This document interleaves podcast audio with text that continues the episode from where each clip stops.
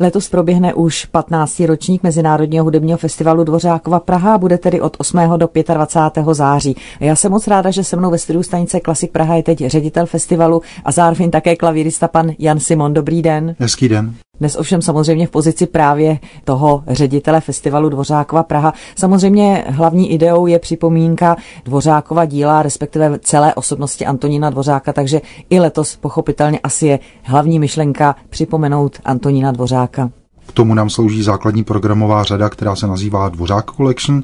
A po těch letech předešlých, kdy vlastně byla frekventována velká orchestrální díla, vokálně instrumentální koncerty, tak jsme obrátili již od roku 2020 pozornost ke komorní hudbě, která je nesmírně důležitou součástí Dvořákovy tvorby. A od letošního roku startuje tříletý projekt souborného provedení smyčcových kvartet Antonína Dvořáka, kurátorství, protože je to vlastně nejenom Dvořák Collection, ale zároveň i komorní řada. Kurátorství se ujal eh, český Pavel Haas kvartet a k tomu, aby dokázali v rámci těch tří let skutečně provést všechna kvartetní díla, si přizvali i své hosty, takže kromě Pavel Haas kvartetu, který celou řadu otevře 12. Eh, září, budou jejich hosty například Gilliard kvartet nebo Jerusalem kvartet a zároveň také výborná česká kvarteta Benevicovo, Sedláčkovo a Zemlinského kvarteto. Tím vlastně naplníme toto poselství šířit dvořákovou hudbu, ale samozřejmě ta zazní nejenom v podání smísových kvartet. Samozřejmě a na těch koncertech smyčcových kvartet zazní nejenom také dvořáková hudba, ale i další, protože jistě si každý vybral některé to své dvořákovo dílo a doplnil dalším repertoárem podle svého uvážení, aby to nebylo až tak příliš monotematické. Nechceme zabít posluchače jenom dvořáky. Tak, tak, tak.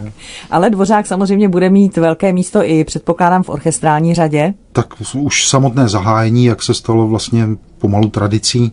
Zahajujeme koncertem Mnichovských filharmoniků, kteří provedou Dvořákovu devátou symfonii a violončelový koncert pod taktovkou pana dirigenta Chonga a jako solista se představí držitel Grammy, violončelista Truls Smork, který zároveň s tímto orchestrem vystoupí i následující den a s tímto dirigentem a aby nebyl jenom Dvořák, tak zahraje i Schumannův violončelový koncert a zazní Brucknerova šestá symfonie.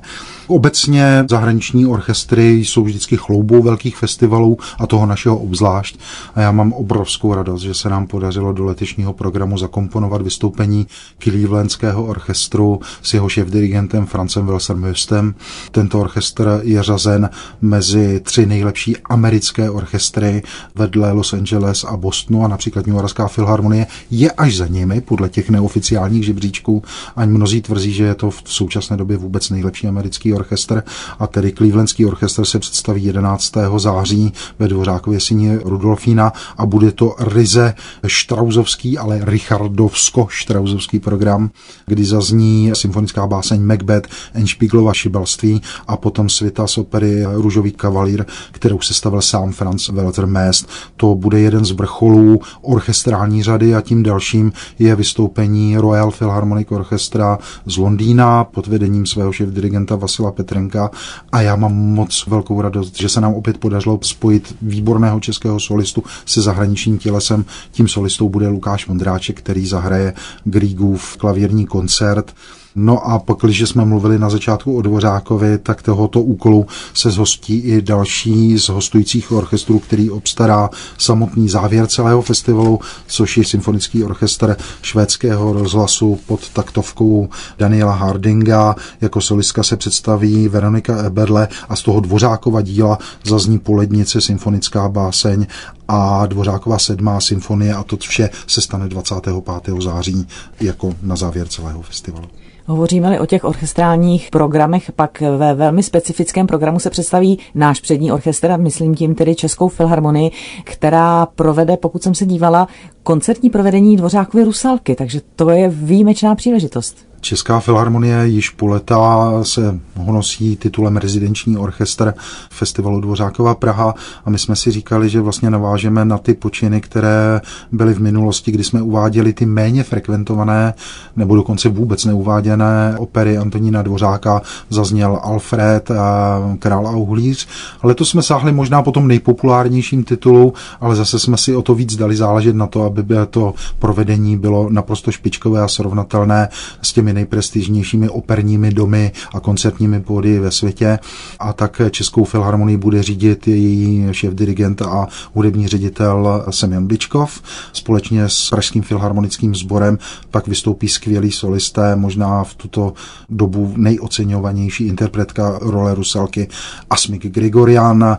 Prince bude představovat Dmitro Popov, Ježí Babu, Jamie Barton, v roli cizí knižny se představí Eva Kurucová a Vodníka, na toho nesmíme zapomenout, tam bude velké české zastoupení v osobě Jana Martiníka, takže je to skutečně cast, za který by se nemusela stydět ani Wiener Staatsoper nebo Metropolitní opera a myslím si, že ani ta absence scénické složky nebude vůbec na škodu, protože o to víc si posluchači budou moci vychutnat krásy Dvořákovy hudby a té skvělé interpretace, kterou pro posluchače připravujeme.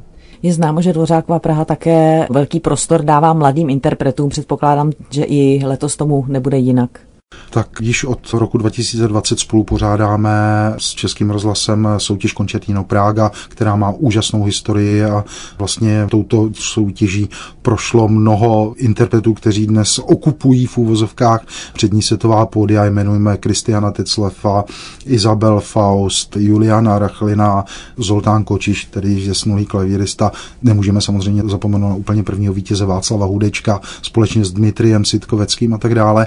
A já jsem moc rád, že se daří v těch posledních letech opět objevovat talenty, kteří už dnes zase vystupují na těch velkých pódiích. Připomenu vítěze z roku 2020 ruského klaviristu Zavidova, který s úspěchem už vystupuje na amerických pódiích a vyhrává ty už velké profesionální soutěže. Takže i letos se bude konat finále solové kategorie v pražském Rudolfínu a to 16. září za doprovodu Symfonického orchestru Českého rozhlasu pod taktovkou pana dirigenta Jindry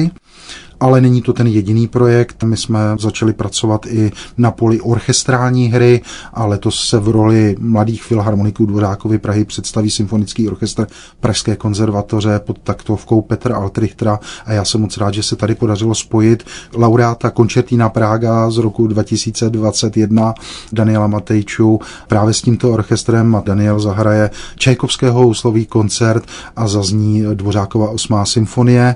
Připravili jsme potom ve spolupráci s Radkem Baborákem a s Institutem divadelního umění pokračování něčeho, co nazýváme showcase jako tribunu mladých interpretů, kde je to určeno pro jinou věkovou kategorii těch, kteří se budou prezentovat. Říkáme, že to je určeno pro mladé hudebníky, kteří stojí na Prahu, skutečně už na Prahu kariéry a to se odehraje 22. září opět ve Dvořákově síně Rudolfína, kde pod taktovkou Radka Baboráka se představí celá řada mladých interpretů, jmenujeme například houslestu Mateo Hagra nebo violončilistu Viléma Vlčka, ale je tam, bude to třídílný koncert, bude poměrně dlouhý, ale chceme dát prostor všem těm, kteří si to zaslouží. A doprovodí je Radek Baborák založil Českou symfonietu, ale s přihlédnutím k té aktuální situaci ji přejmenoval na Ukrajinskou českou symfonietu, protože dal vlastně prostor a příležitost i ukrajinským hudebníkům, kteří se zapojí do tohoto orchestrálního tělesa a doprovodí vlastně naše české interprety.